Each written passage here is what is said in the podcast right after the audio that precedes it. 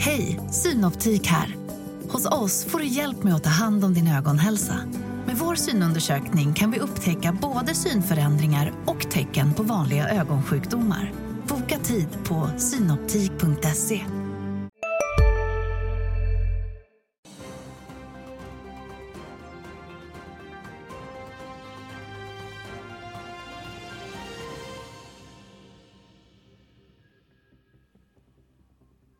Månadsslutet närmar sig. Det är onsdag den 30 augusti. Välkomna till Börsmorgon. Svag eh, data igår får USA-räntorna att eh, fortsatt handlas lägre. Tioåringen har kommit ner ytterligare en punkt till 4,14 procent.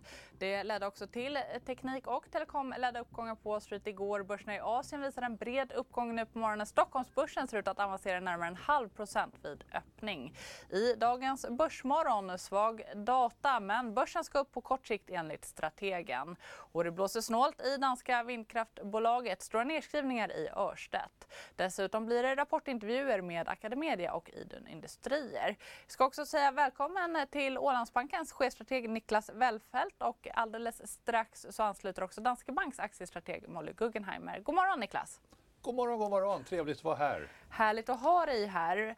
Men om man ska beskriva ekonomin just nu så ligger väl stagnation närmare till hands, kanske en recession, sannolik höjning i september från Riksbanken. Samtidigt så får börsen förnyad kraft. Ja, just nu eh, verkar det ju vara så att, att dåliga konjunkturnyheter är bra eh, nyheter eh, vad gäller risktillgångar, då, börskrediter eh, och annat. Då, då. Det är ett jättefokus på inflation, det är ett jättefokus på centralbankernas räntepolitik.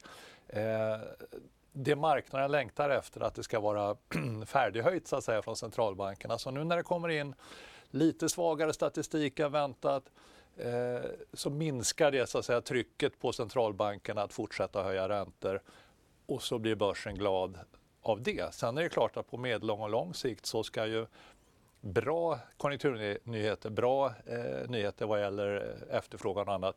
Det är ju bra för liksom bolagens eh, vinsttillväxt och, och, så vidare. Så det är klart att över tiden vill vi ha bra konjunkturstatistik. Men just mm. nu är vi i ett läge där Eh, en viss avkylning i ekonomin är önskvärd för det kommer liksom hjälpa centralbankerna att bli, bli färdighöjda. Och eh, är det så då att eh, svaga statistikräntorna kommer ner lite så tenderar det ju just att lyfta då eh, högmultipel och lite, kanske lite techbolag och annat med. Men hur skulle du säga att beteendet är på börsen? För det känns ju som att det liksom har tuggat på ganska försiktigt neråt och så har det nästan snarare blivit en panikkänsla uppåt nu sista dagarna. Eh, de allra sista dagarna, ja. ja. Annars var det ju, det var ju en, en eh, tittar man internationellt så liksom ett, ett, egentligen ett väldigt starkt börsår fram till eh, till och med juli kan man väl säga med en stark uppgång inte minst juni, juli. Norden har ju sett mycket svagare ut. Vi har ju mycket större exponering mot konjunkturkänsliga bolag och det har kostat på en del. Då, då.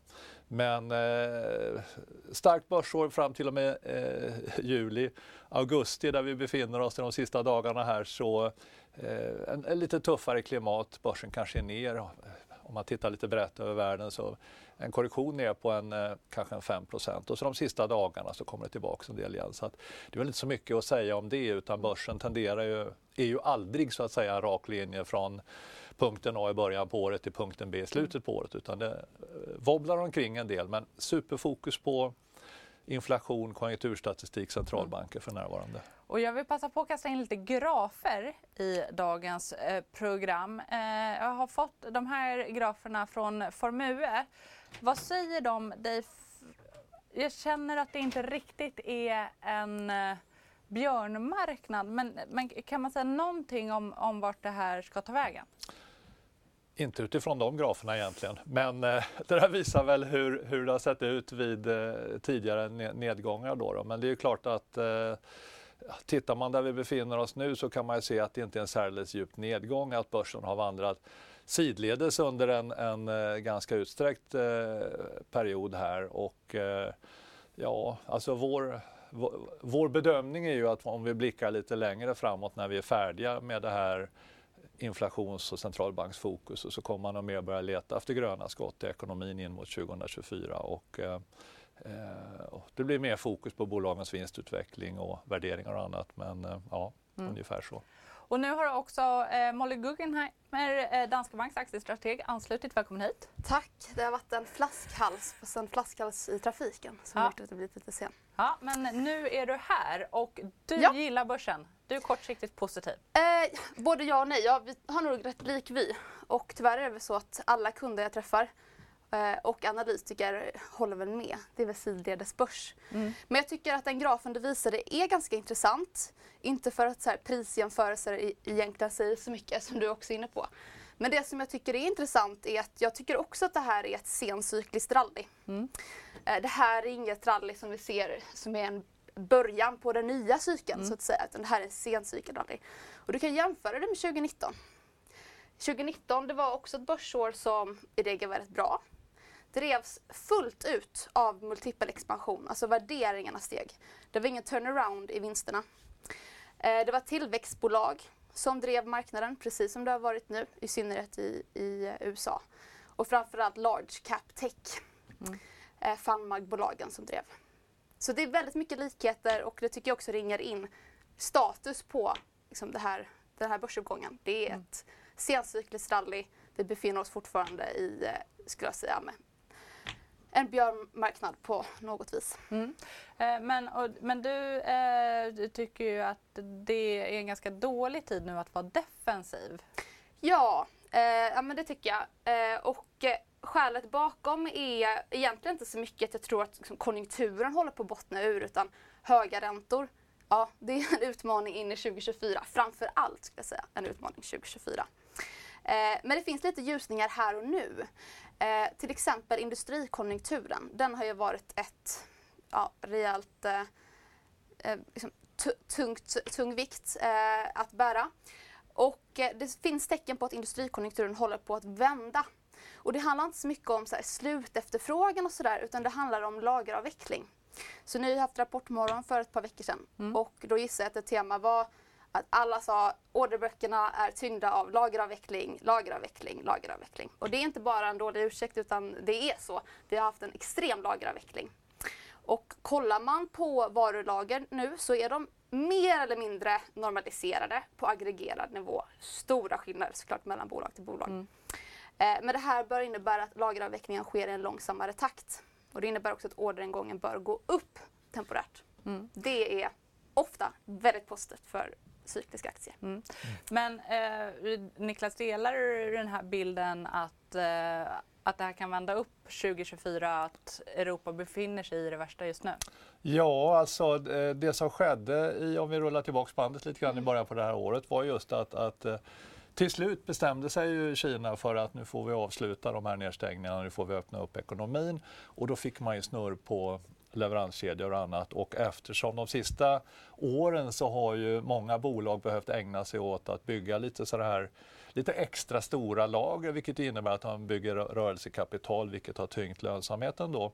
Så när Kina öppnar upp, leveranskedjor rätas ut så kan man liksom arbeta med i genomsnitt mindre lager och ovanpå det har vi haft en, en, eh, en avmattning i konjunkturen också. Så att det har ju varit en, en Precis, jag håller med Molly, absolut. En kraftig lageravveckling.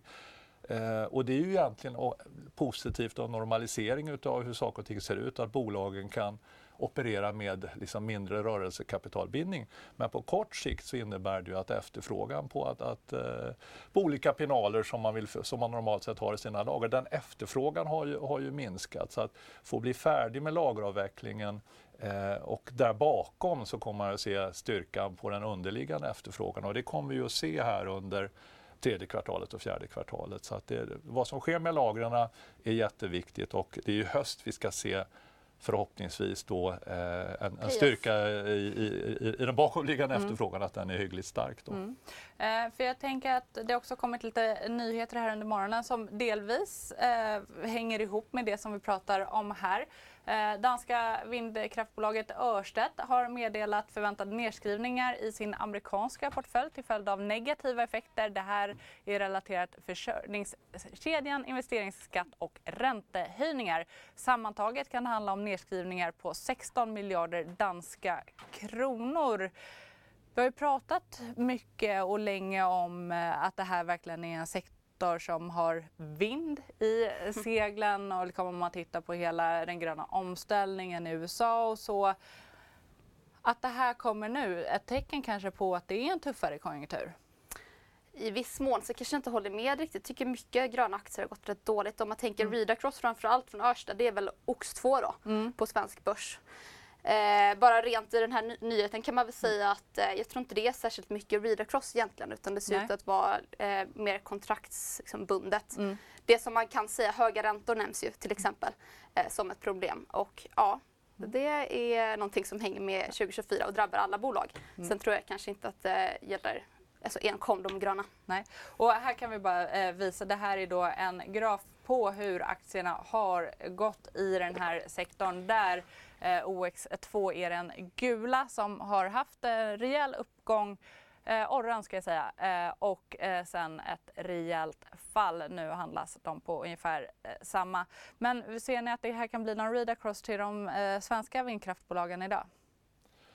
Ja, alltså vindkraftprojekt är ju vid sidan om det här med eh, regelverk och alltihopa eh, som styr mycket och saker och ting kontraktsbundna. Det är väldigt lätt att, att, att, att liksom räkna bort sig i sådana här eh, projekt för att eh, får du problem med, eh, låt säga att du har liksom en, en offshore vindpark händer det någonting där ute och du ska ut och serva och fixa och dona med de här gigantiska för er som har sett de här på nära håll. Det, mm.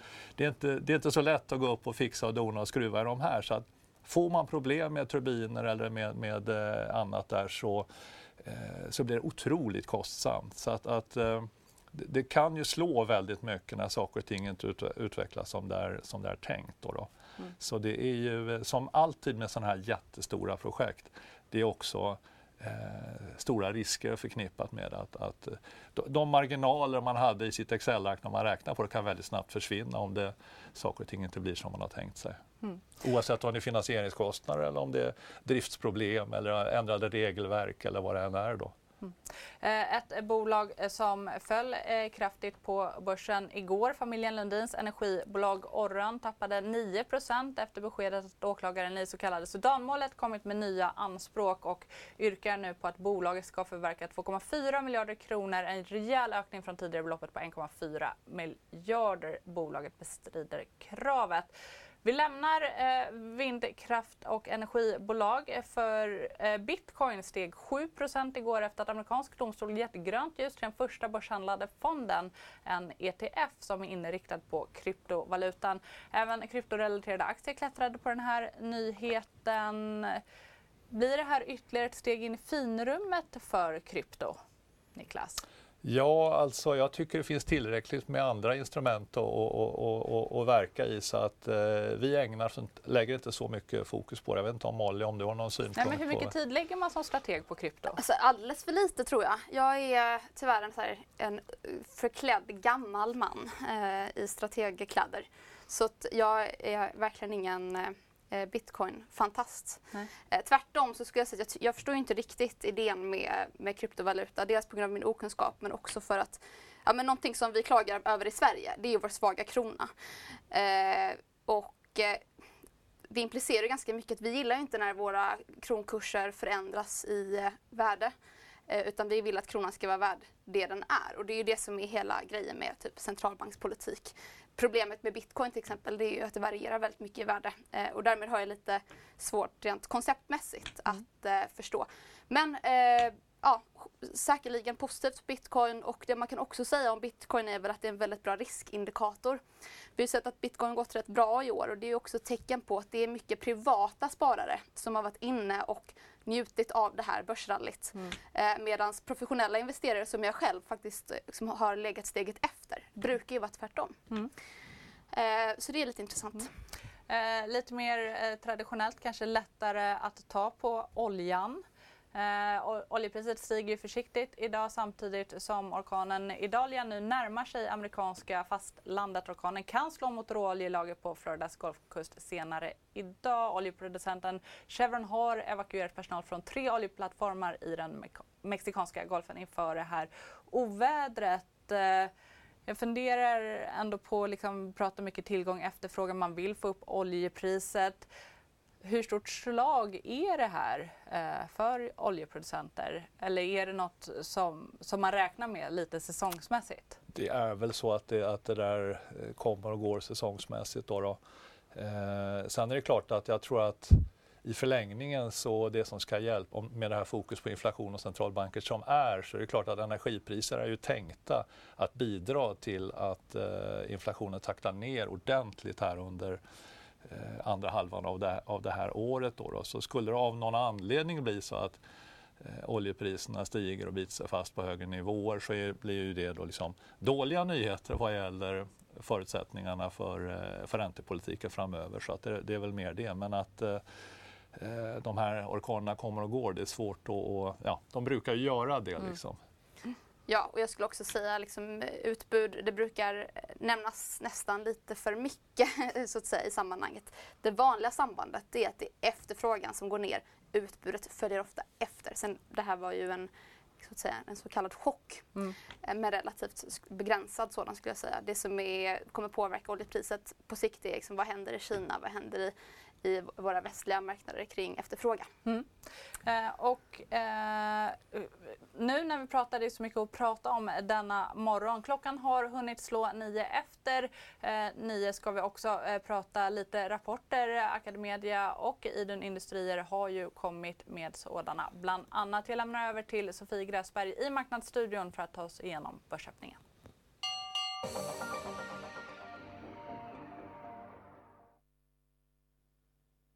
Stockholmsbörsen inleder i dur idag. Om vi tittar på storbolagsindex så ser vi att vi har Sinch och SCA i topp toppen.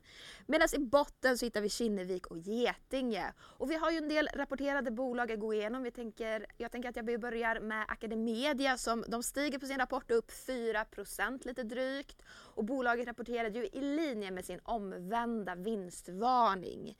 Stiger gör även in Idun Industrier som såg en organisk tillväxt på över 4% och aktien är upp 4,5% så här precis vid börsöppning. Sämre ser det ut för Immunova som backar tvåsiffrigt på sin rapport. De redovisade ju en växande förlust i kvartalet. Och vi har även en del nyheter utanför de rapporterade bolagen. Jag tycker vi fortsätter med NCC som stiger en halv procent idag. De tar en order på 540 miljoner kronor för att lägga 360 ton asfalt i norra Sverige. Och så tänker jag att vi har lite insynsköp att gå igenom fastighetsprofilen. Erik Selin har köpt aktier för ytterligare 3,6 miljoner kronor i nischbanken Collector där han är ordförande och storägare. Och Collector stiger idag 0,8 procent ungefär. Och SBB har fått en ny ekonomidirektör, Daniel Tellberg. Han kommer successivt ta över ansvarsområden från avgående CFO Eva-Lotta Strid. Och i och med denna förändring så avslutas den pågående rekryteringsprocessen av en ny CFO. Och nu är vi ändå inne på nya uppdrag. Gruvbolaget Copystone Resources styrelseordförande Jörgen Olsson har utsetts till ny VD för bolaget. Och Copystone stiger 1,5 idag. Mindre rörelse ser vi hos Pricer. De tar in 257 miljoner kronor i en företrädesemission som tecknades till 214 procent. Men som sagt, Stockholmsbörsen i stort, den är munter nu på onsdags morgon och stiger 0,2 procent. Hej, Ulf Kristersson här. På många sätt är det en mörk tid vi lever i. Men nu tar vi ett stort steg för att göra Sverige till en tryggare och säkrare plats. Sverige är nu medlem i Nato. En för alla, alla för en. Vi är specialister på det vi gör, precis som du. Därför försäkrar vi på Swedea bara småföretag, som ditt. För oss är små företag alltid större än stora och vår företagsförsäkring anpassar sig helt efter firmans förutsättningar. Gå in på swedea.se företag och jämför själv. Börsen upp 0,2 procent. Eh, positiv reaktion för de rapporterande bolagen som vi ska prata eh, med och om lite senare. Vi har ju också fått en konjunkturbarometer här klockan nio där eh, den sjunker till 85,2 från 87,7. Det här är både konfidensindikatorn för industrin och hushållen sjunker något. Kanske egentligen inte så förvånande att humöret sänks. Egentligen inte eh, kan man väl säga. Det man ser är framförallt eh, hushållsförväntningarna som eh, drar ner index så att säga och även tillverkningsindustrin fortsätter att försvagas. Det som är intressant med just KI-barometern är just om man kollar på industrin. Därför att många stirrar sig blind på svenskt PMI. Det har ju varit rejält lågt. Mm. KI-barometern har faktiskt visat ja, så här, relativt god orderingång hela tiden. Och det har ju stämt mycket bättre överens med de siffror som bolagen har rapporterat. Mm. Och det tror jag mycket beror på att många av våra industribolag är rätt sencykliska i sin natur, levererar kapitalvaror snarare än insatsvaror så att säga. Och det gör också att de är ja, mer sencykliska och det kanske är först nu egentligen som orderingången börjar vika i många av dem. Mm. Så hur viktig är liksom dagens siffror för att just ge oss en indikation på hur svensk ekonomi mår och vart den ska? Jag tycker jag uppskattar KIs arbete och KI-barometern jättemycket. Jag säger som Molly att den är underanalyserad i marknaden. Den är mycket bredare och har en mycket längre historik än vad de här PMI-mätningarna har som eh, vi tittar så mycket på, eller som marknaden tittar så mycket på. Då, då. Men eh, det här är väl en, en skulle jag säga, en viktig pusselbit för Riksbanken inför nästa räntebesked att det är ytterligare en, en ett tecken på ändå att, att det, det dryga eh, året utav tuffa räntehöjningar som vi har bakom oss, att det tar ju ett tag för, de här, för den här åtstramningen att äta sig genom ekonomin. Och det ser man tecken på att det gör. Och det kommer ju fortsätta under en utsträckt period ändå vara att även om man slutar höja så kommer det här att fortsätta påverka efterfrågan i ekonomin på ett dämpande sätt. Så att det här visar ju liksom att ja, sannolikt är det ju prissatt en räntehöjning från Riksbanken mm. i, i eh, september men eh, de kan känna sig trygga med att efterfrågan dämpas och sannolikt inflationstrycket också. Att man inte behöver bli alltför stressad av den svaga kronan då vad gäller att trycka på räntehöjarknappen. För man, ingen vill ju ha en hårdlandning i, i, i ekonomin. Det, det, det gör ju ingen gladare så att säga. Mm. Men jag tänker att eh, eh vi har ju fått vissa eh, riksbankstal eller från riksbanksledamöter här i veckan. Eh, mycket talar ju för en höjning eh, här i september. Jag har också börjat höra snack om en höjning i november. Skulle dagens liksom, eh, barometer kunna påverka det på något sätt? Tyvärr inte skulle jag säga, eller tyvärr och tyvärr. Men man får komma ihåg att Riksbanken har ju ett ensidigt mandat. De ska få ner inflationen. Egentligen så ska de ju skita i vad som sker i resten av ekonomin. Så enkelt är det inte. Men egentligen. Och man kan säga att Europa och i synnerhet Sverige, i synnerhet Storbritannien också, befinner sig i ett svårt läge där du har väldigt hög inflation och inga tecken på att kärninflationen egentligen håller på att vika. Eh, och en väldigt utmanad liksom, eh, tjänstesektor, hushåll och så vidare. Eh, med andra ord det man kan kalla liksom, stag stagflationsliknande. Det som jag ska säga är positivt med det är att med all sannolikhet så kommer inflationen falla kraftigt kommande år, även i Sverige. Jag tror det är en fråga om lagg. USA, där steg inflationen nio månader innan den steg i Sverige. Det är därför naturligt att det dröjer nio månader längre att få ner den mm. här också.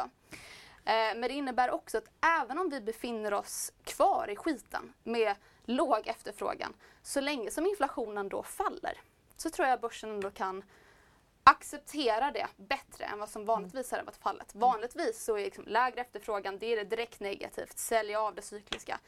Den här gången är det inte lika enkel, enkelt. Jag tror man liksom kan acceptera att mm. det kostar på ekonomin att inflationen faller. Mm. Men du pratar om stagflation. Jag undrar också hur ser du på recessionsrisken? Eh, jag skulle säga att den är väldigt eh, stor in i 2024 och det som är intressant är ju, det är ju det här att vi vet att penningpolitiken eh, opererar med ett lagg så att säga. Det tar tid innan höga räntor verkligen känns i ekonomin. Mm. Eh, med andra ord, ju längre du har höga räntor, ju större är risken för att du ska hamna i en recession, att någonting brister. Trots det, kollar du på konsensus efter sommaren så har det hänt väldigt mycket.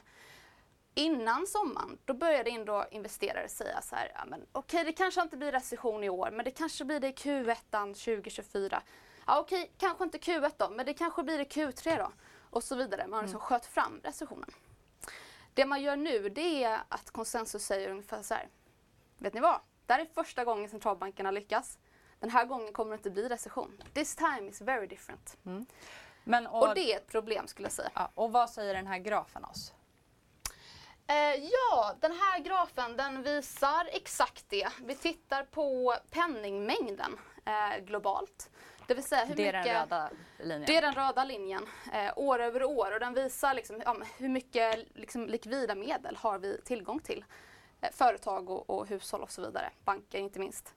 Eh, och eh, det andra, det visar, eh, ja vad visar det? Visar det Global vinsttillväxt? vinst, Ja, vinsttillväxt year on year. vinsttillväxt. Ni kan se det tydliga sambandet. Eh, det här visar helt enkelt att penningmängden det är någonting som centralbankerna till stor del liksom kontrollerar. Genom att höja räntor så minskar utlåningen och då minskar pengarna i ekonomin. Men också via QT och så vidare. Eh, och eh, ja, det här visar egentligen ganska tydligt risken med att ha den här typen av restriktiv centralbankspolitik som vi har. Med andra ord att många förväntar sig 10% vinsttillväxt nästa år.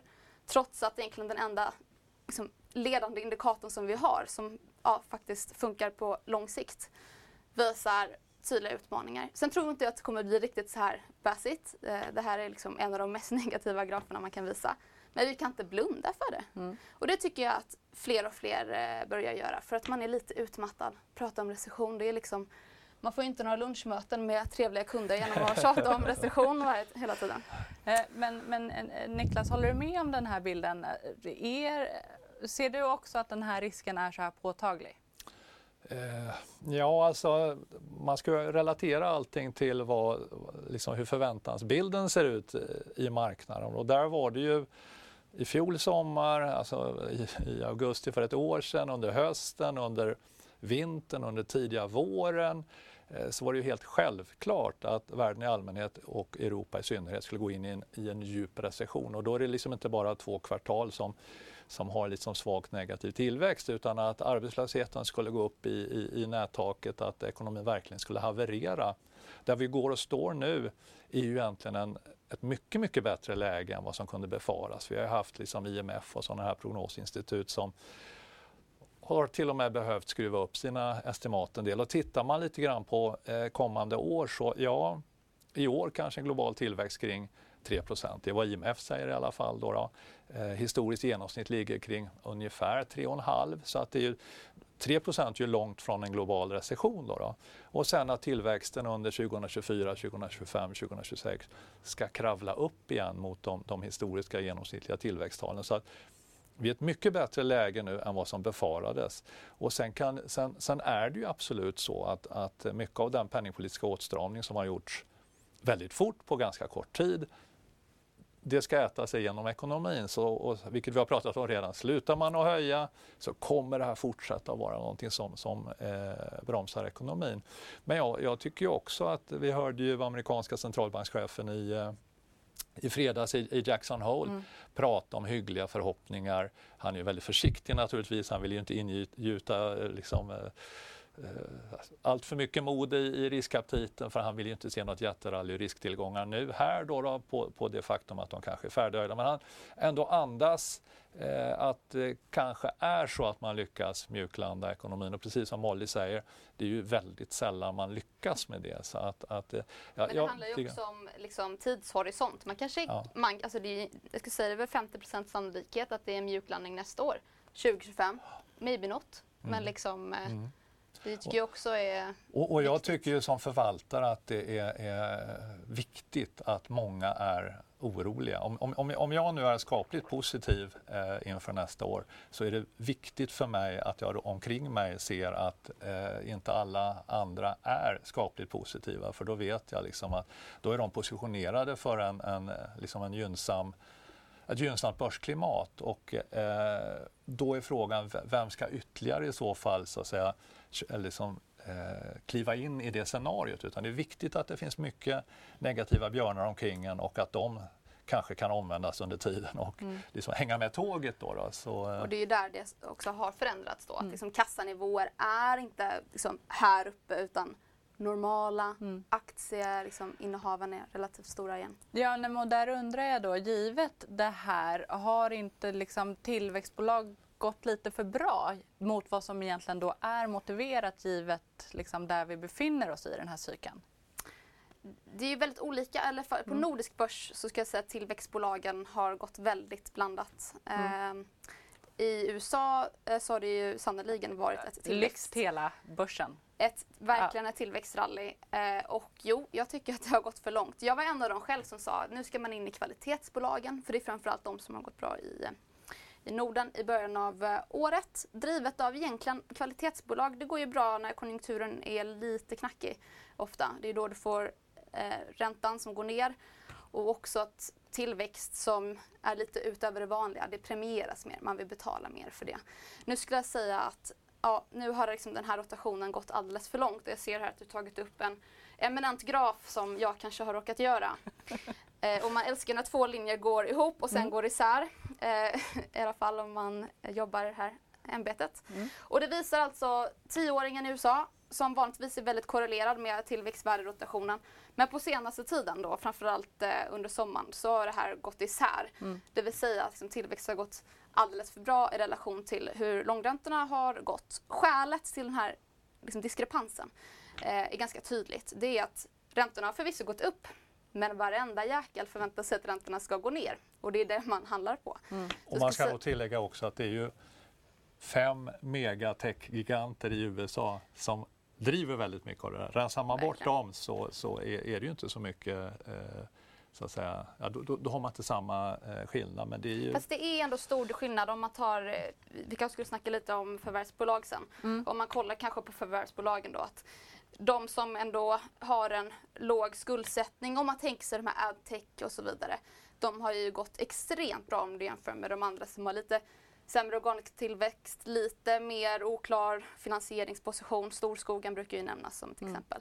Den spreaden är ju väldigt stor och den finns ju i många sektorer. Spreaden mellan ett Atlas Copco Mm. eh, och ett Beijer Alma till exempel.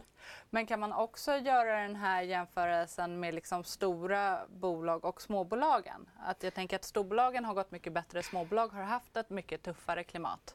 Ja, men sen är det svårt för småbolagen att vända runt därför att du har inga inflöden i småbolagsfonder ofta. Och många sitter där med sitt eh, silver och kan inte göra särskilt mycket. Så att jag tror för att, jag tror att small caps kommer gå OK, eh, typ på form ungefär in line med storbolagen i Sverige resten av året. Men jag tror tyvärr att det är lite för tidigt för att småbolagen verkligen ska stiga. Men förhoppningsvis har jag fel. Jag är neutralt allokerad mellan Mm. småbolag och large caps. kan jag säga. Vi kommer fördjupa oss i småbolag i morgondagens Börsmorgon eh, för de som verkligen vill grotta ner sig eh, i det segmentet. Men eh, Niklas, först ser du att värderingarna är för ansträngda i, i de här liksom, större bolagen? svårt att säga. Jag Eh, klumpar ihop allt. Ja, men det, jo, nej, men alltså de stora bolagen, men det är ju ändå så att, att eh, vi står på något vis också i något teknikskifte. Det är ju alltid så här att, att, bli, att man kan bli lite för exalterad när man står vid något sånt här teknikskifte. Men det känns ju som att mycket av det som har drivit, eh, ja det som har verkligen drivit eh, håsen i USA är ju Nvidia och den här AI-håsen. Och det är klart att eh, funderar man över AI och potentialen och möjligheten så är det ju eh, en enorm trigger för, eh, för produktivitetshöjningar och så vidare. Och så vidare. Och ur det perspektivet, om liksom de här mer eh, optimistiska scenarierna skulle infrias, nej, då tycker jag inte att det, att det, är, är, eh, att det är dyrt. Men däremot, ofta är det ju också så att, att eh, inte en rak linje från A till B utan du, du, du har en trend som är väldigt stark under en period och sen flyttar fokus någon annanstans. Eh, och sen kommer fokus tillbaks där. Men jag tror att underliggande som megatrend tror jag att mycket av det som driver de stora teknikbolagen i USA är liksom innovationskraften och att man redan nu äger så mycket av det här eh, klustret som, skap, som driver på AI-utveckling. Och det är värt det är svårt att liksom beskriva hur mycket det är, är värt om det är så att AI på minsta sätt, eller användandet av AI på minsta sätt utvecklas i linje med, med de positiva scenarier som finns. Så att just nu skulle jag säga att det är ganska lätt som, vad ska man säga, som eh, amerikansk investerare, om du är lite osäker på vart du ska ta vägen, så är det väldigt lätt att, att eh, ja, men jag köper de här fangbolagen för det är ju de som har drivit börsen länge, länge, länge nu, till och med i uppåtgående liksom, eh, räntemiljö.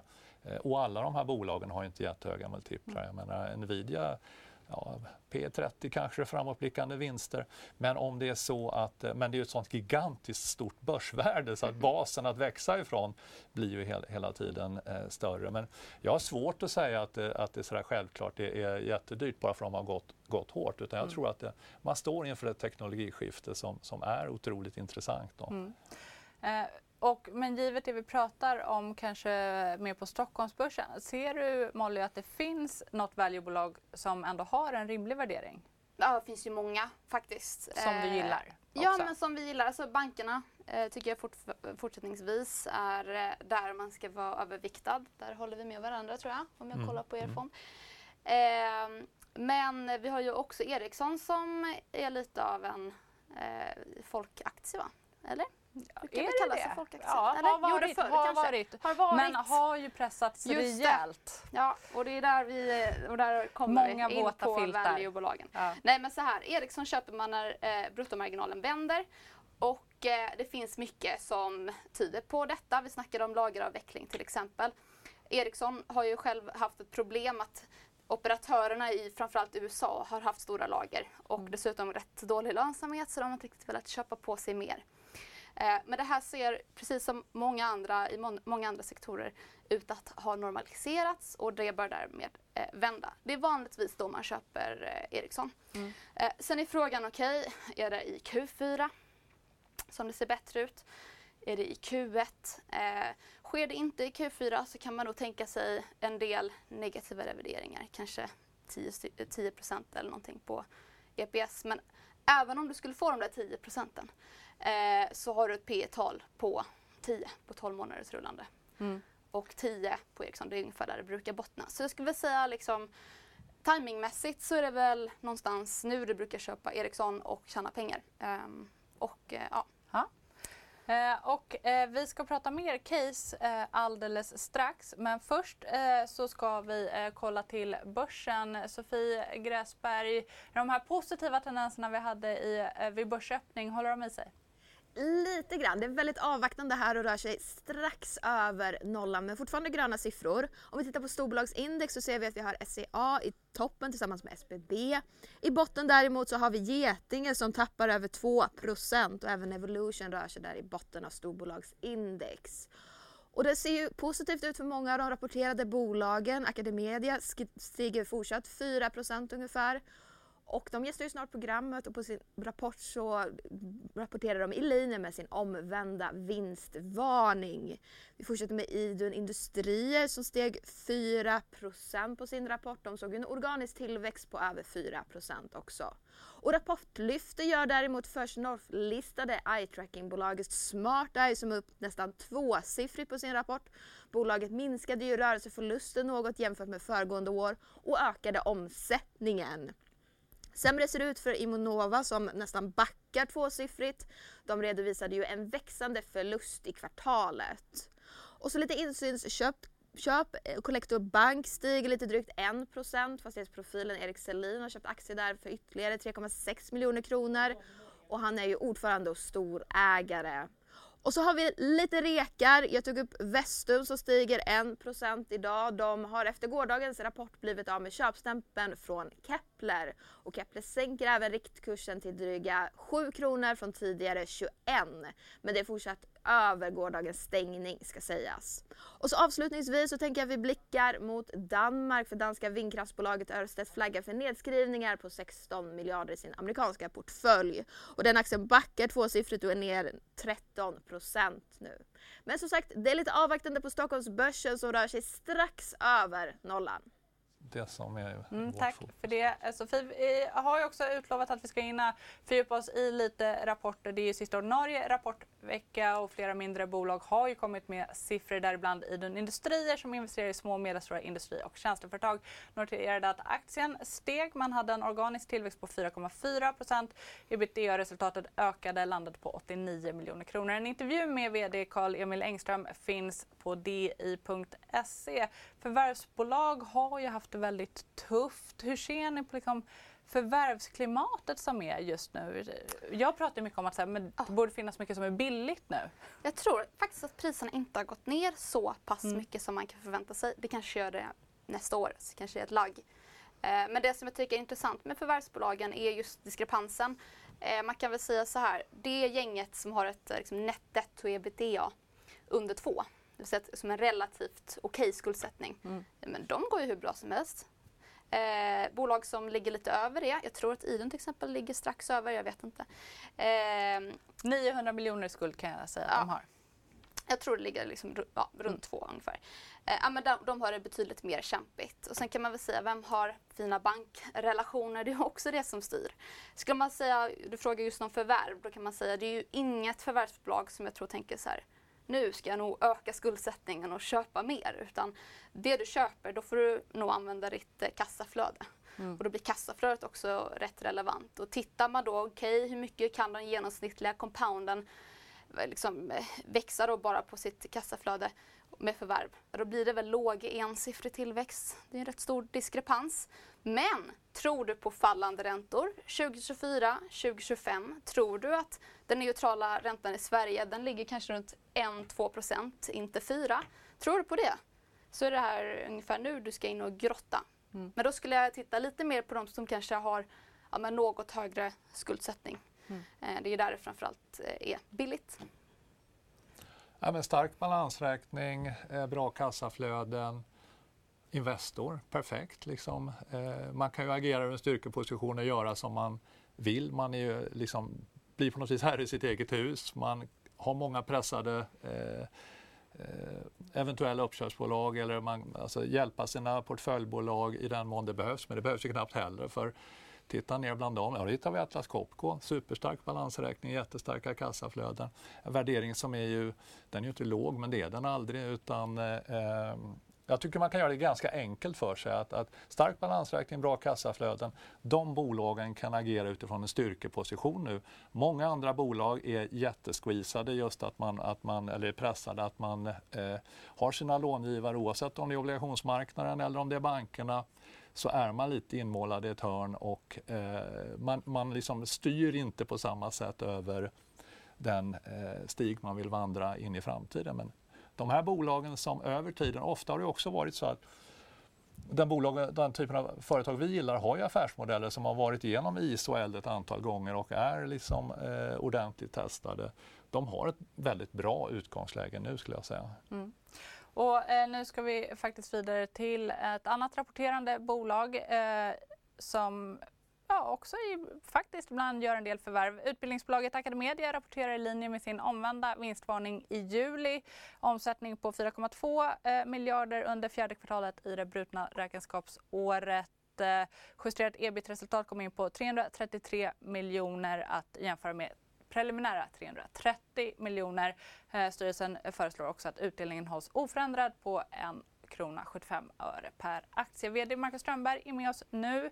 Välkommen! Vi kände ju till siffrorna där den förbättrade lönsamheten i den norska förskoleverksamheten påverkar siffrorna positivt. Skulle du säga att ni är i ett bättre läge i Norge än vad ni är här i Sverige? Nej, men jag tycker det är på uppåtgående. Vi, har, vi är väldigt starka i vår hemmamarknad rent generellt. Så att jag tycker att det är positivt att det går åt rätt håll och vi summerar ju ett starkt år. Jag tyckte det var så intressant att höra diskussionen därför att Academedia är ju ett bolag med en väldigt stark balansräkning nu. Tack vare vår bredd har vi också stabila kassaflöden. Så att ja, vi har en väldigt stark position inför framtiden och eh, vi gör ju en, ett gott resultat i år. Q3 eh, i ert brutna räkenskapsår var ju första kvartalet som helt påverkades av den ökade inflationen. Nyfiken på hur situationen ser ut nu och hur ni parerar de här ökade kostnaderna. Men vi började ju att förbereda oss för ja, ett och ett halvt år sedan, både med förhandling med våra olika leverantörer. Vi skar också väldigt mycket overhead. Vi sköt på olika typer av projekt och det gör ju att vi har kunnat ha en stabil utveckling på vår ekonomi och när man jobbar med det vi gör så är det ju otroligt viktigt att sköta sin ekonomi och vi har haft ett starkt fokus på det. Sen har ju vi också en väldigt stark efterfrågan. Alltså vi ökade ju antalet elever i kvartal 4 med 6% Vi går in nu i, i all time high med 5% upp och vår campussatsning och vår satsning på yrkesutbildning har fallit väldigt väl ut. Och jag tror också det finns möjlighet för oss att göra fler förvärv under hösten. Så att eh, vi ser goda möjligheter utifrån vår position i, i dagsläget. Ja, är det mycket som ser attraktivt ut nu eller just kopplat till förvärv? Jag skulle säga den internationella utbildningsmarknaden, den, där är fortfarande multiplarna ganska så höga. Det är många investerare som ser det som väldigt intressant och i Academedias fall säger nu en fjärdedel utav vår omsättning är ju utanför Sverige. Men vi gjorde precis nu ett förvärv i Nederländerna. Det tyckte vi var på okej okay multiplar och vi tittar väldigt mycket på att fortsätta vår internationella expansion och vårt långsiktiga mål det är att 50 procent utav vår omsättning ska vara utanför den svenska skolpengsverksamheten för att ha en balans i vår intäktsmix. Ja, och apropå just eh, att få den balansen. Regeringen har ju beslutat att man ska utreda den här friskolereformen så här 30 år efter att den infördes. Vad tänker du kring det och är det också någonstans den här politiska risken som gör att ni vill fortsätta expandera framförallt utomlands? Vi har alltid haft en strategi att ha en balans och stå i flera, på flera olika ben. Vi hoppas ju nu att regeringen ska kunna ta fram ett långsiktigt regelverk för fristående skolor. Den här sektorn är ju så stor i Sverige. Det är över 430 000 barn och elever. Det är kanske en miljon föräldrar som nu har sina barn i fristående skolor. Bara hos oss i Stockholm så går ju var fjärde gymnasieelev i en Academedia-skola. Och då tycker jag man har ett ansvar nu som politiker att helst ha en blocköverskridande överenskommelse och hitta ett långsiktigt eh, regelverk så vi kan fortsätta att bidra till den goda utvecklingen utav svensk skola. Stort eh, tack eh, Marcus Strömberg för att du var med här i Börsmorgon. Det blir ju alltid politiksnack med Academedia och med välfärdsbolag för den delen. Eh, det är Sofie Pettersson skrev i gårdagens tidning att det är först efter regeringens utredning av den här friskolereformen som Academedia kan bli intressant som aktie. Håller ni med? Ja, det, så är det ju. att det, man är ganska exponerad mot eh, politikernas välvilja eller det motsatta. Så att, eh, och det är ju saker som man bolagsspecifikt själv inte kan styra över och det är ju alltid lite eh, då vill man ha en liten extra riskpremie när man äger den typen av bolag. För även om bolaget gör ett bra jobb så kan ju någonting hända på, på en annan arena som inte bolaget kan styra över som är extremt viktigt för förutsättningarna för företaget. Så att, ja. då, då blir kassaflöde och skuldsättning inte lika viktigt? Eller också viktigt men inte bara? Säkerligen, säkerligen. Mm. Sen handlar det väl om, ja precis, Nej, men pris och värdering. Nu tänker väl exakt likadant gissar jag kring välfärdsbolagen. Mm. Ska äh, säga det, äh, Academedia är upp äh, 3 efter sin rapport. De kom ju med en omvänd vinstvarning där i somras. Så det kanske inte var jättemycket som överraskade i dagens rapport. Vi ska ju också hinna prata lite case. Det har jag inte lovat men det har jag tänkt. Det hänger ju ihop med resonemanget som vi kanske har fört under hela programmet och kulminerar nu i att Eh, Molly, du gillar kortcyklisk verkstad. Ja, men det är ju eh, inne lite på det temat som vi har gått in på tidigare, alltså lageravvecklingen mm. är snart klar.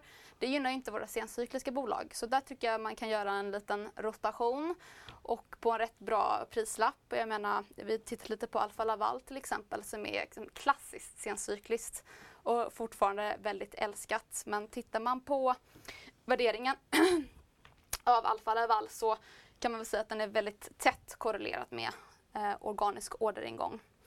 Eh, och vi står nu på precis toppen. Då skulle jag säga att det är ett perfekt läge att börja rotera ut. Eh, men sen verkstad, det är liksom ingen riktig övervikt för mig än. Eh, utan det jag har pushat framför allt är konsumentbolagen. Mm. Och det är lite eh, spännande för jag tänker ja. att konsumenter är pressade.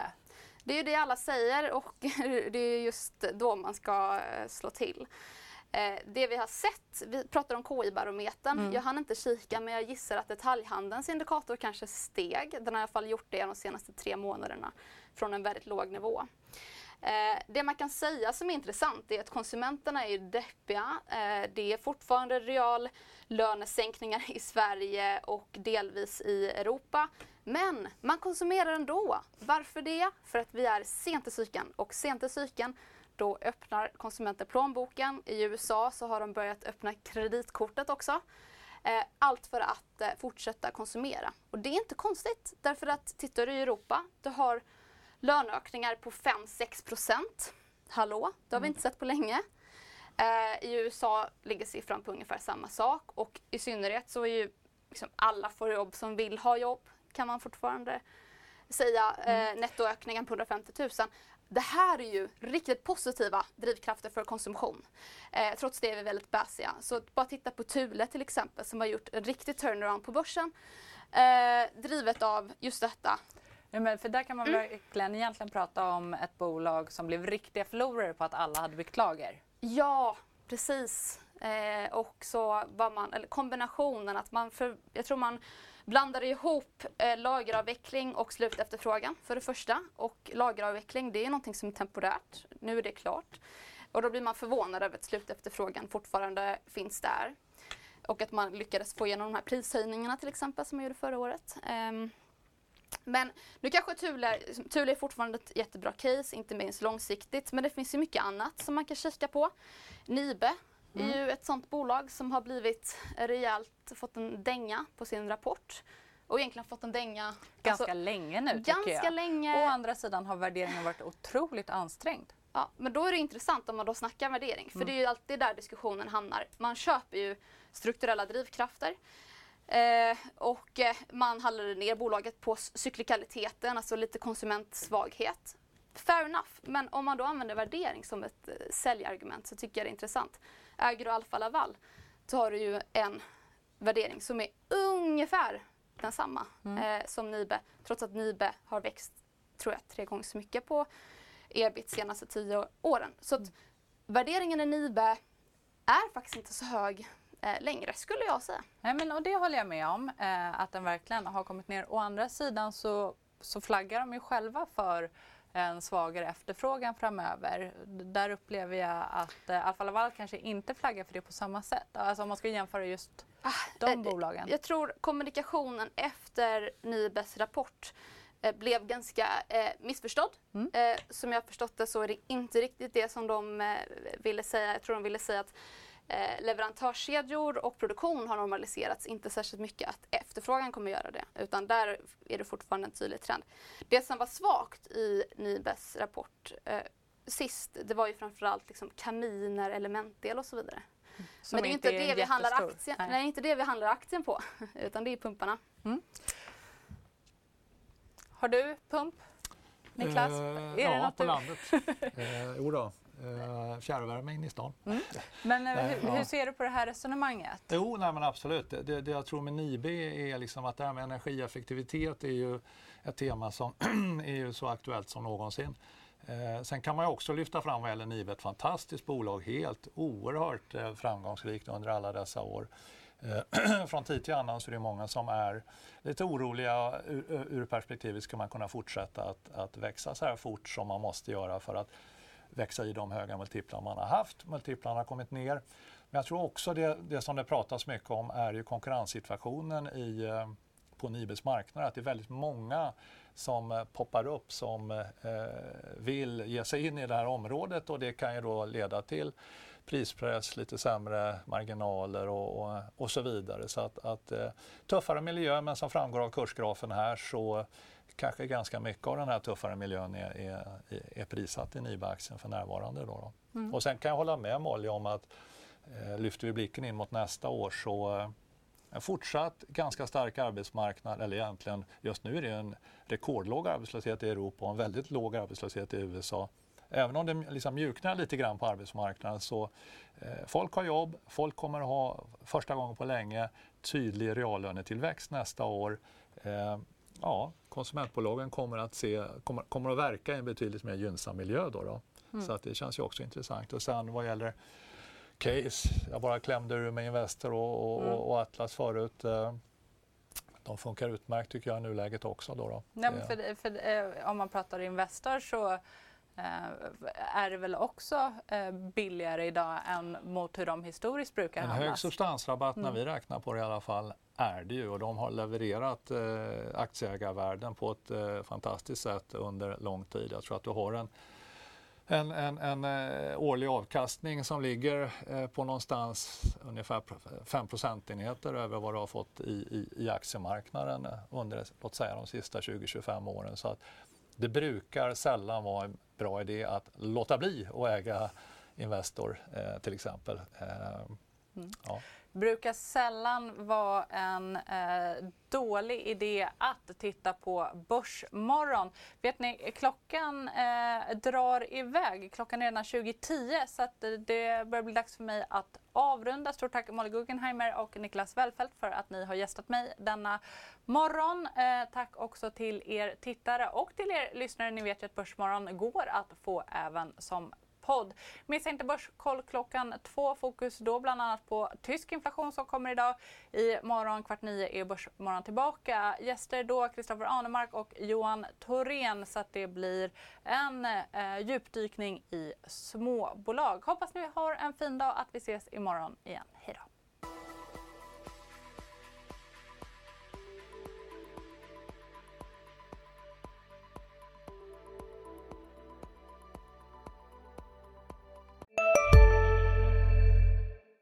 Hej Susanne Axel här. När du gör som jag och listar dig på en av Krys vårdcentraler får du en fast läkarkontakt som kan din sjukdomshistoria. Du får träffa erfarna specialister, tillgång till lättakuten och så kan du chatta med vårdpersonalen. Så gör ditt viktigaste val idag, lista dig hos Kry. Hej Sverige! Apoteket finns här för dig och alla du tycker om. Nu hittar du extra bra pris på massor av produkter hos oss. Allt för att du ska må bra. Välkommen till oss på Apoteket.